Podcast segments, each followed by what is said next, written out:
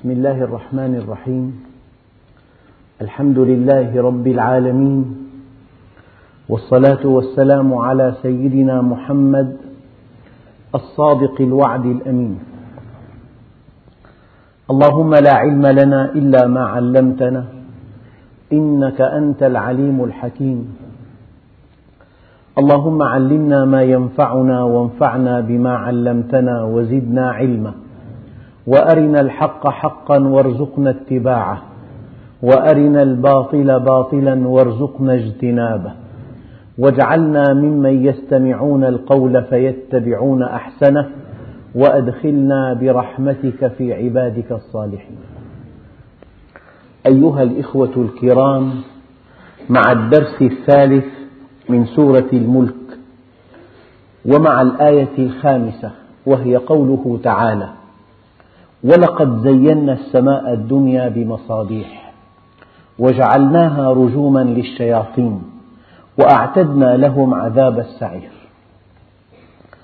أيها الإخوة الكرام موضوع أن يكون في الأرض شيء جميل سماء مزدانة بالنجوم جبال خضراء بساتين غناء بحار صافية هذه المسحة الجمالية التي أودعها الله في الكون لها مهمة خطيرة. هذه المهمة هي أن الله سبحانه وتعالى إذا حدثنا عن الجنة ولم يكن في الأرض مواطن جمالية هذا الحديث لا نفهمه إطلاقا.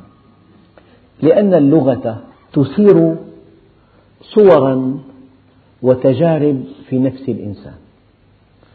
قل لإنسان كلمة بحر. قلت ثلاث حروف الباء والحاء والراء.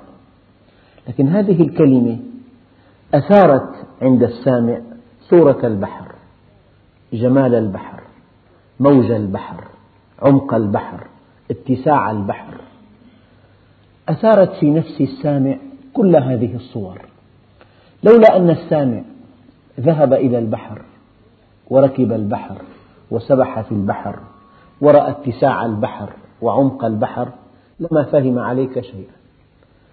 اللغة تثير في الإنسان خبرات سابقة أو صورا سابقة. لو أن الله سبحانه وتعالى أراد أن يحببنا بالجنة فوصفها ولم يكن في الأرض شيء جميل نعلق عليه كلمات الجنة. عندئذ لا نفقه شيئا عن الجنة. فالمواطن الجمالية في الأرض من جبال خضراء إلى بساتين غناء إلى جداول رقراقة إلى بحر جميل إلى طفل جميل. هذه الصور الجميلة من أجل أن يكون لوصف الجنة مرتكز من واقع الحياة. ربنا سبحانه وتعالى زين السماء الدنيا بمصابيح. فيما سمعت أن الذين عدوا نجوم السماء بأعينهم هذه النجوم لا تزيد عن عشرة آلاف نجم. النجوم التي نراها بأعيننا. لكن تقدير علماء الفلك أن هناك مليون مليون مجرة وفي كل مجرة مليون مليون نجم. فالسماء الدنيا أي هذه النجوم التي نراها بأعيننا. هذه سماء دنيا قال تعالى ولقد زينا السماء الدنيا بمصابيح. المعنى الآخر من التزيين إنا جعلنا ما على الأرض زينة لها. لنبلوكم أيكم أحسن عملا. الشيء الدقيق هو أن الأرض فيها أشياء جميلة والأشياء الجميلة محسوسة ملموسة بحواسنا الخمس.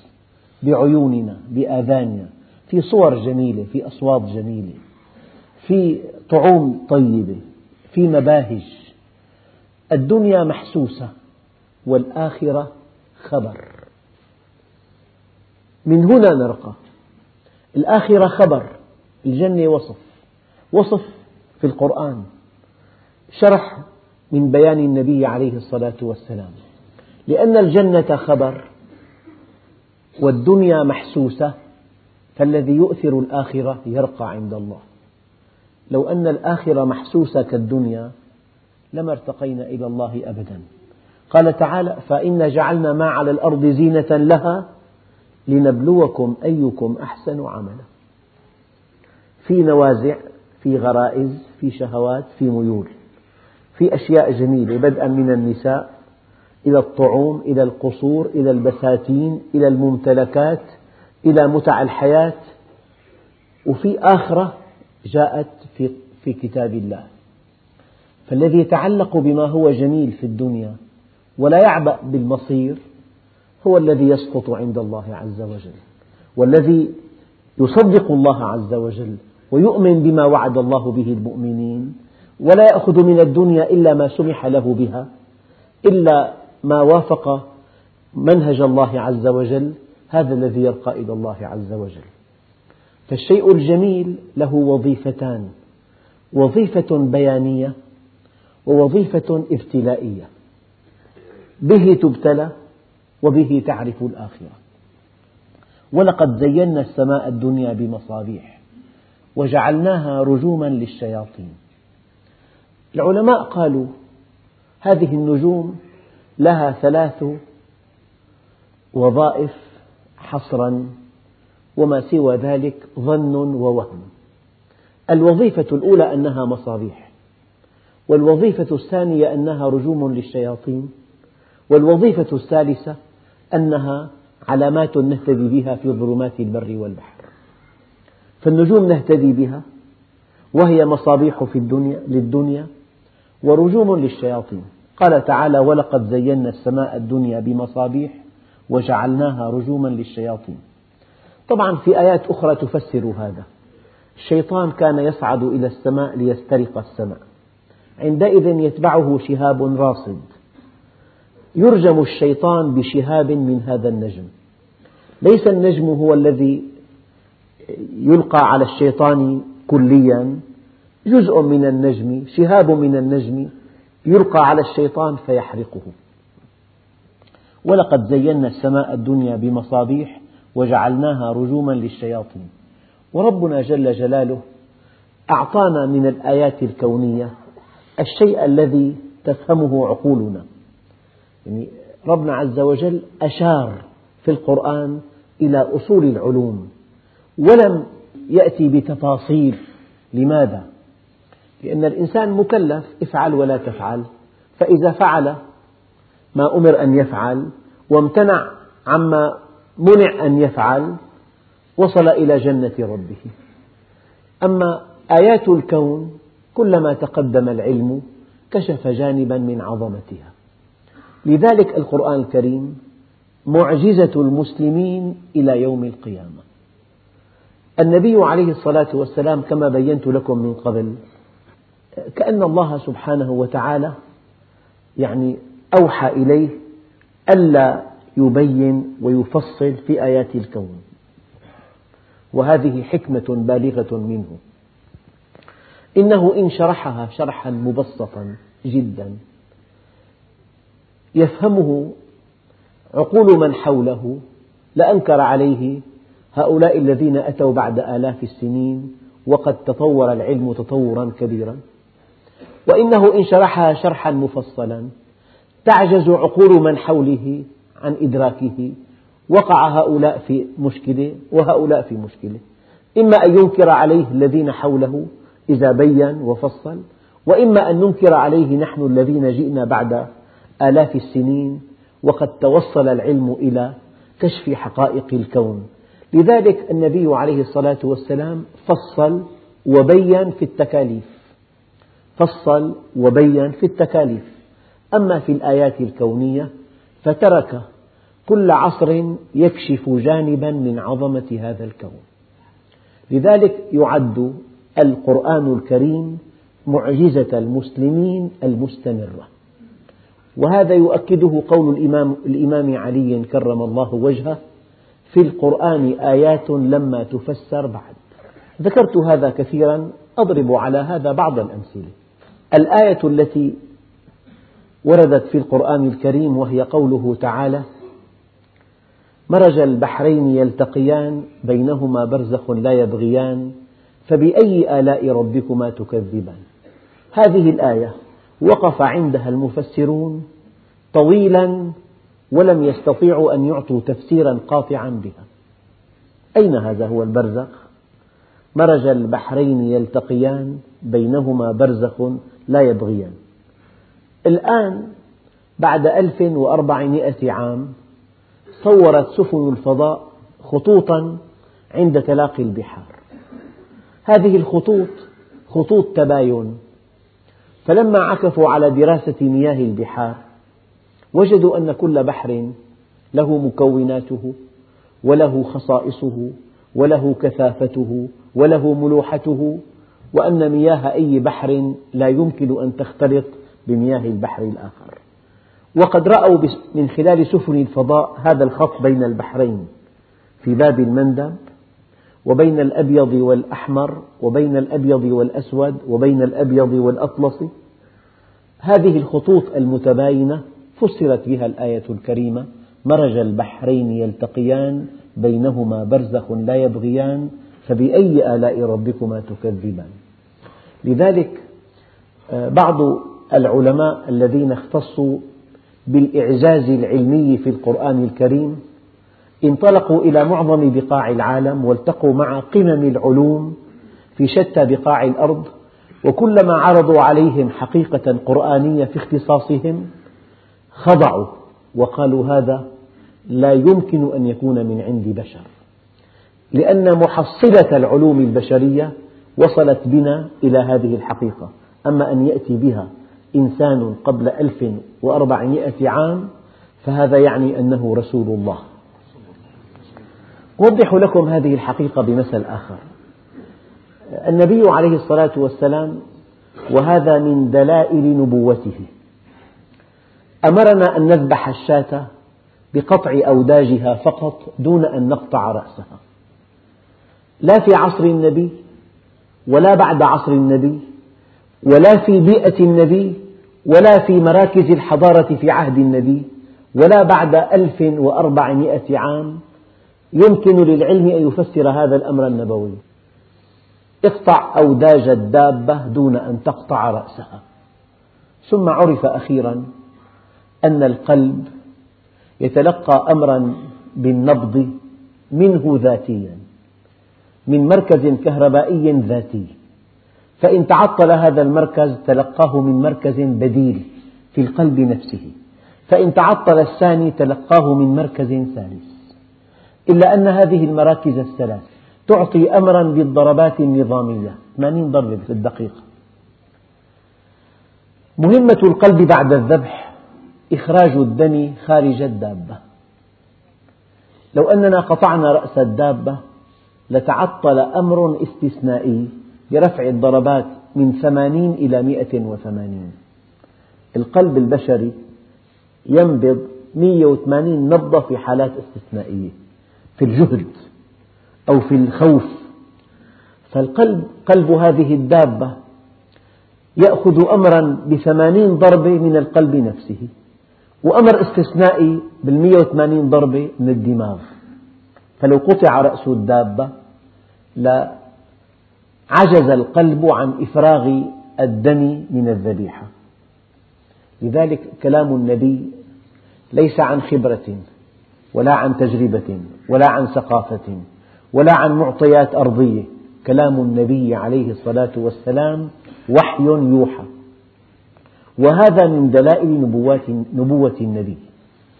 إذا ولقد زينا السماء الدنيا بمصابيح وجعلناها رجوما للشياطين وأعتدنا لهم عذاب السعير. هؤلاء الشياطين الذين شط بهم السير عن منهج الله عز وجل. وأرادوا إغواء البشر.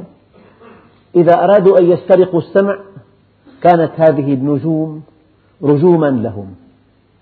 وإن ومصيرهم في الآخرة إلى عذاب جهنم وبئس المصير. ويقول بعض علماء التفسير واستطرادا يقول الله عز وجل وللذين كفروا بربهم عذاب جهنم وبئس المصير. الشياطين إلى جهنم وبئس المصير وللذين كفروا بربهم عذاب جهنم وبئس المصير. إذا ألقوا فيها إذا ألقي هؤلاء الكفار في النار أو إذا ألقي الجن الذين خرجوا عن منهج الله في النار سمعوا لها شهيقا وهي تفور. شهيق الدابة إذا رأت الشعير. يعني تطلع الدابة إلى غذاء تأكله. شهيق النار أي أنها تنتظرهم. هذه صورة من صور النار. وبعضهم قال شهيق الكفار حينما يلقوا في النار. سمعوا لها شهيقا وهي تفور. تفور أي تغلي. تغلي النار من شدة غيظها على أولئك الذين غفلوا عن ربهم في الحياة الدنيا وأساءوا إلى خلقه. إذا ألقوا فيها سمعوا لها شهيقا وهي تفور. تكاد تميز من الغيظ. تميز أي تتفرق أي تتقطع من شدة غيظها. يعني هو الحقيقة الناس نيام إذا ماتوا انتبهوا. الإنسان قد ينشغل بدنياه قد ينشغل بعمله قد ينشغل بشهواته. بمكاسبه بملذاته. قد ينغمس في حمأة الشهوة فهو في غفلة عن ربه. أما حينما يصحو حينما يأتيه ملك الموت وتنقطع عنه شهواته عندئذ يتمزق ندما لما فعل. هو وكل من حوله. تصور أب يغدق على ابنه كل شيء. من أجل أن يدرس. لا يدرس. بل يسيء لوالده. حينما يصحو ويرى فعل أبيه معه ويرى لؤمه ورد المعروف منكرا على أبيه حينما يصحو ويستيقظ ضميره يتمزق ويتألم أشد الألم. لذلك إن الذين كفروا ينادون لمقت الله أكبر من مقتكم أنفسكم إذ تدعون إلى الإيمان فتكفرون. حينما كان الله يدعوكم إلى أن تؤمنوا به يدعوكم إلى أن تتعرفوا إلى منهجه يدعوكم إلى أن تطيعوه إلى أن تسجدوا له لتسعدوا بقربه. حينما كان يدعوكم وأنتم تستنكفون وأنتم تستكبرون كان الله يمقتكم. أكبر من مقتكم الآن لأنفسكم. إن الذين كفروا ينادون لمقت الله أكبر من مقتكم أنفسكم إذ تدعون إلى الإيمان فتكفرون. يعني ملاحظ تكاد تميز من الغيظ النار. كأن النار نفس مدركة تغتاظ من هذا الكافر. الذي جحد نعم الله عز وجل. من هذا الكافر الذي سخر له ما في السماوات وما في الأرض. كان وحده الغافل وقد قال الله عز وجل وإن من شيء إلا يسبح بحمده ولكن لا تفقهون تسبيحهم. أيعقل أن يكون المسخر لك؟ صاح وأنت الذي سخرت لك كل ما في السماوات والأرض أنت الغافل. فهذا الكافر يرتكب في حق نفسه جريمة. نحن لا نستبعد كثيرا. أيام بعض المجرمين بعضهم يقتل أباه بعضهم يقتل أمه بعضهم يقتل أولاده. الناس جميعا يحتقرون يتميزون من شدة الغضب. تكاد تميز من الغيظ. كلما ألقي فيها فوج سألهم خزنتها. ألم يأتكم نذير؟ وما كنا معذبين حتى نبعث رسولا. قال بعضهم العقل هو الرسول. ألم يأتكم نذير؟ الله جل جلاله يقول ولو علم الله فيهم خيرا لأسمعهم. يعني على الله قصد السبيل. قال بعض العلماء على الله على تفيد الإلزام. إذا جاءت على مع لفظ الجلالة تفيد الإلزام. وعلى الله قصد السبيل. يعني وعلى الله بيان سبيل القصد. وعلى الله بيان طريق الحق. بيان طريق السلامة. بيان طريق السعادة. وعلى الله. إن علينا للهدى. فربنا عز وجل تولى أن يهدينا. تولى أن يسمعنا الحق. تولى أن يوصل إلينا الهدى. هذا على الله. علينا الاستجابة فقط. علينا أن نستجيب. يا أيها الذين آمنوا استجيبوا لله وللرسول إذا دعاكم لما يحييكم. فالإنسان قبل أن يعرف الله في حكم الميت. ماتت نفسه وتحركت أعضاؤه. أما حينما يعرف الله عز وجل كان ميتا فأحياه الله بالهدى. هناك حياة الجسد وهناك حياة القلب. حياة القلب بمعرفة الله وذكره. إذا ألقوا فيها سمعوا لها شهيقا وهي تفور تغلي تكاد تتقطع وتتمايز أجزاؤها من الغيظ. كلما ألقي فيها فوج سألهم خزنتها. ألم يأتكم نذير؟ الحقيقة في آيات كثيرة جدا تبين معنى النذير. أولم نعمركم؟ قال تعالى يعاتب الكفار. أولم نعمركم؟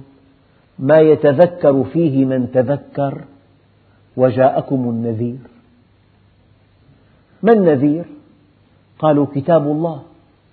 كتاب الله هو النذير. لأن الله سبحانه وتعالى أنزل هذا الكتاب بين فيه الحلال والحرام الخير والشر الحق والباطل أمر ونهى بين أحوال الأمم السابقة ومصير الأمم اللاحقة بين فيها أحوال أهل النار أحوال أهل الجنة. فهذا الكتاب هو النذير كتاب من عند الله. في التعامل اليومي أيام يوجه لموظف إنذار خطي. إنذار خطي. وهذا القرآن الكريم الذي بين أيدينا نذير. نذير لأنه ينهانا ويحذرنا ويخوفنا ويوعدنا بعذاب أليم في الآخرة. وقال بعض العلماء النذير هو النبي عليه الصلاة والسلام لقول الله عز وجل يا أيها النبي إنا أرسلناك شاهدا ومبشرا ونذيرا وداعيا إلى الله بإذنه وسراجا منيرا. يا أيها النبي إنا أرسلناك شاهدا ومبشرا ونذيرا. والنذير أيضا كما قال بعض العلماء هو الشيب.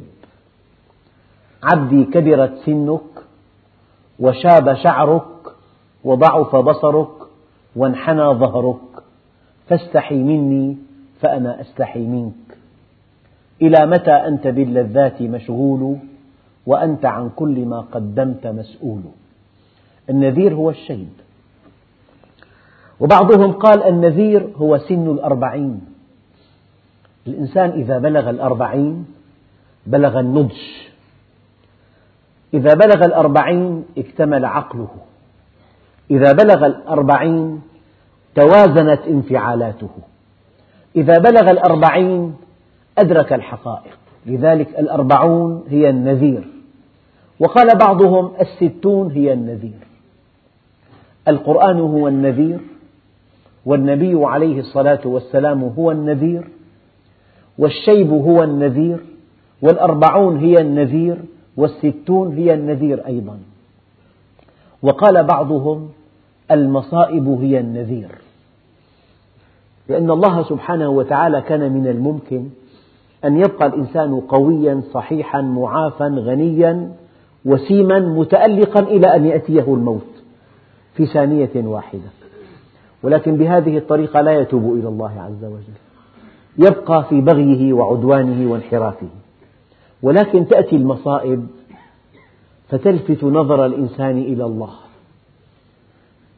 وبقدر الانحراف تأتي المصيبة. انحراف بسيط مصيبة خفيفة. كلما ازداد الانحراف ازدادت شدة المصيبة. من أجل أن تصيب الهدف وأن تعيده إلى الصواب. لذلك قال تعالى ظهر الفساد في البر والبحر بما كسبت أيدي الناس ليذيقهم بعض الذي عملوا لعلهم يرجعون. من نعم الله على الإنسان أنه إذا انحرف أذاقه نتائج انحرافه.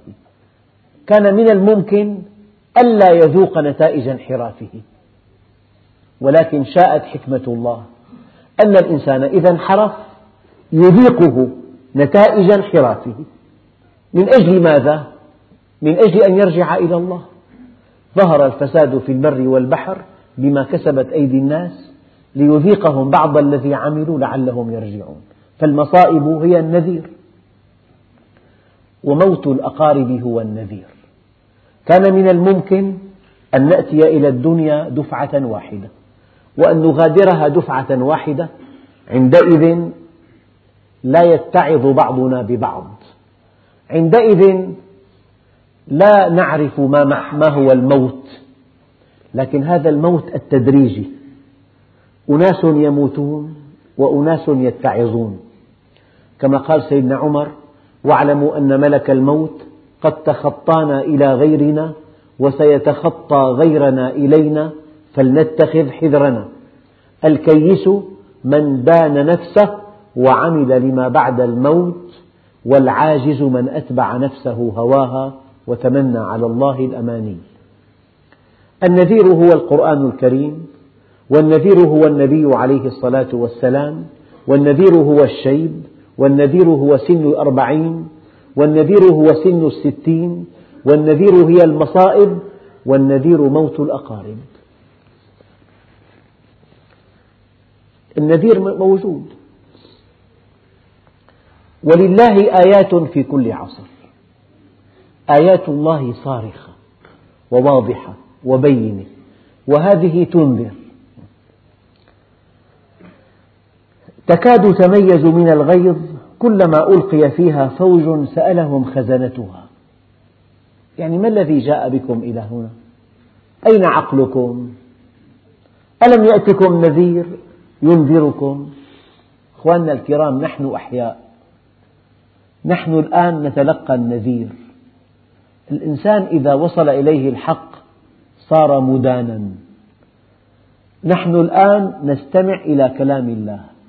ما دام القلب ينبض فنحن في بحبوحة أن نعود إلى الله أن نتوب إليه أن نستجيب له أن نصطلح معه أن نستقيم على أمره.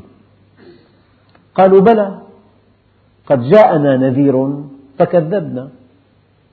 الآن استمع إلى أقوال الكفار إذا دعوا إلى الله. دعوات غيبية. نحن واقعيون. يقول لك هذا الذي يدعوك إلى الله له حظوظ وله آه، نوايا وله مطامع في الدنيا. إما أن يطعن بالذي يدعوه. قالوا عن النبي إنه مجنون وقالوا عنه ساحر وقالوا عنه كاهن وقالوا عنه شاعر. وأهل الكفر دائما يطعنون بمن يدعوهم إلى الله عز وجل. يطعنون بدعوتهم يسفهون شخصيتهم. قالوا بلى قد جاءنا نذير فكذبنا. وقلنا ما نزل الله من شيء إن أنتم إلا في ضلال كبير. يعني قد تسأل ما الحكمة التي أرادها الله من أن الله ختم بمحمد عليه الصلاة والسلام الرسالات؟ تصور لو أن نبيا جاء في هذا العصر. لسمعت عنه العجب العجاب. قرأت تحليلات من علماء نفس تحليلات من بعض الدارسين للتاريخ. يعني قد يفهمونه على أي طريقة إلا أنه نبي. الكفر أحيانا يفلسف. الإنسان الكافر حينما أعرض عن الله عز وجل معه جهاز خطير وهو الفكر. الفكر عند الكافر يستخدمه لرد الحق ويستخدمه لفلسفة الشر ولتزيين الباطل ولتغطية الانحراف. فكر تبريري. لذلك قالوا بلى قد جاءنا نذير فكذبنا. يعني النبي عليه الصلاة والسلام حينما جاء قومه ألم يروا صدقه وأمانته؟ وعفافه ونسبه. ألم يقرأوا هذا القرآن الكريم الذي جاء به؟ هل في هذا القرآن مأخذ؟ هل فيه ريب؟ هل فيه خلل؟ ألم يروا كماله؟ ألم يروا عفافه؟ ألم يروا علمه؟ ألم يروا رحمته؟ ومع ذلك كذبوا. فكذبنا وقلنا ما نزل الله من شيء إن أنتم إلا في ضلال كبير. وقالوا هذه مقولة الكفار في النار. وقالوا لو كنا نسمع أو نعقل ما كنا في أصحاب السعير. دققوا. نسمع هذا الدليل الإخباري ونعقل الدليل العقلي. والإنسان لا يصل إلى الله إلا بدليلين دليل عقلي ودليل إخباري. من خلال التأمل في الكون تتعرف إلى خالق الكون. هذا دليل عقلي. أما في الدين حقائق لا يمكن لعقلك أن يصل إليها. إلا أن تأتيه عن طريق الوحي. لذلك يأتي السمع للإخبار الإلهي والعقل للدليل الاستنباطي. يعني أنت تتعرف إلى الله من خلال الكون. هذا العقل الذي أودعه الله فيك يحكم أن لهذا الكون خالقا وأن لهذا الكون مربيا وأن لهذا الكون مسيرا وأن هذا الخالق والرب والمسير موجود وواحد وكامل. لكن هذا الفكر لا يستطيع عن طريق التأمل أن يعرف لماذا خلقنا الله عز وجل؟ هذا يجب أن يعلمك الله به. هذا الفكر من خلال التأمل لا يمكن أن يعرف عن الماضي السحيق شيئا عن أصل الوجود ولا عن المستقبل البعيد شيئا. هذا العقل الذي أمدك الله به لا يمكن أن يعرف عن ذات الله شيئا. فكل شيء عجز العقل عن إدراكه أخبرك الوحي به. صار في عندك دليل عقلي تصل به إلى الله ودليل نقلي يخبرك عن الله. هؤلاء الكفار ما استخدموا عقولهم كي تصل بهم إلى الله ولا أصغوا السمع ليتعرفوا إلى الله من خلال ما يلقى عليهم. هم بعيدون عن إعمال عقولهم وعن إصغاء السمع للدليل الذي جاءهم الوحي به. وقالوا لو كنا نسمع أو نعقل ما كنا في أصحاب السعير. أيها الإخوة الكرام خطأ كبير جدا أن تنقل قضية من دائرة المسموعات إلى دائرة المعقولات. العقل البشري إن استخدمته فيما خلق له يعطيك أروع النتائج. إن استخدمته فيما خلق له يعطيك أروع النتائج. أما إذا استخدمته لغير ما خلق له جئت بقضية غيبية أوحاها الله إلى نبيه فجعلتها تحت بساط البحث العقلي العقل عندئذ لا يستطيع أن يعطيك نتيجة إطلاقا لأنك سخرته لغير ما خلق له. أنت بالكون تعرفه وبالوحي يكشف لك كل ما عجز العقل عن إدراكه. وقالوا لو كنا نسمع أو نعقل ما كنا في أصحاب السعير. وقالوا لو كنا نسمع أو نعقل ما كنا في أصحاب السعير فاعترفوا بذنبهم فسحقا لأصحاب السعير. عود على بدء. إن الذين يخشون ربهم بالغيب. هي. الآخرة غيب. الجنة غيب. النار غيب. أما بهذه العين نرى كل الأشياء المحسوسة. الدنيا محسوسة. ملموسة. مرئية. مسموعة. مشاهدة. والآخرة غيب. فالذي استخدم عقله الإنسان إما أن يخاف بعينه وإما أن يخاف بعقله. كلما هبط مستواه يخاف بعينه وكلما ارتقى مستواه يخاف بعقله. فهذا الذي تعرف إلى الله من خلال الكون وتعرف إلى منهجه وخاف منه قبل أن يأتي الموت. خاف منه قبل أن يصل إلى النار. هذا إنسان خشي الله بالغيب. وهذا مما يليق بالإنسان أن يخشاه غيبا. أما شهودا ما من إنسان على وجه الأرض إذا رأى العذاب إلا ويؤمن والدليل فرعون. فلما أدركه الغرق قال آمنت بالذي آمنت به بنو إسرائيل. فكل إنسان كافرا كان أو غير كافر إن جاء الموت كشفت له الحقائق. فكشفنا عنك غطاءك فبصرك اليوم حديد. البطولة أن تكشف الحقائق قبل الموت. لذلك الإنسان مع أي شيء خياره خيار قبول أو رفض إلا مع الإيمان. خياره خيار وقت. فإما أن يؤمن في الوقت المناسب وإما أن يؤمن بعد فوات الأوان وإيمانه بعد فوات الأوان لا قيمة له إطلاقا. وليست التوبة حتى إذا جاء أحدهم الموت قال إني تبت الآن. يوم لا ينفع نفسا إيمانها لم تكن آمنت من قبل أو كسبت في إيمانها خيرا. فالبطولة أن تؤمن قبل فوات الأوان. أن تؤمن بالله غيبا. لا تدركه الأبصار. ولكن كل شيء في الكون يدل عليه. جهنم لا نراها ولكن الله أخبرنا بها. إيمانك بها إيمان بالغيب. الجنة لا نراها ولكن الله أخبرنا بها. يوم الحساب لا نراه ولكن الله أخبرنا به.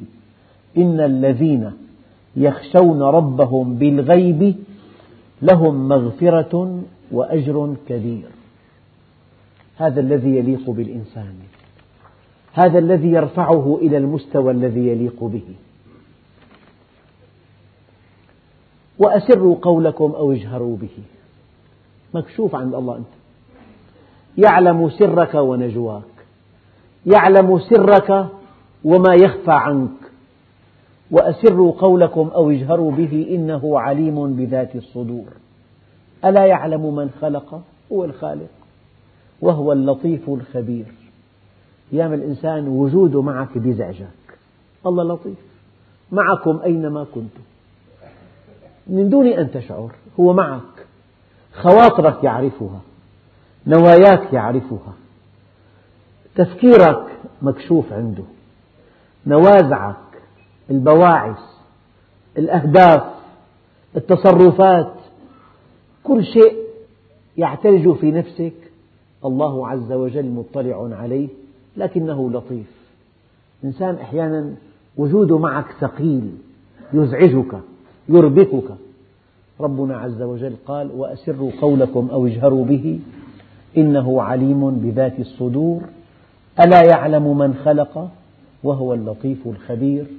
والحمد لله رب العالمين.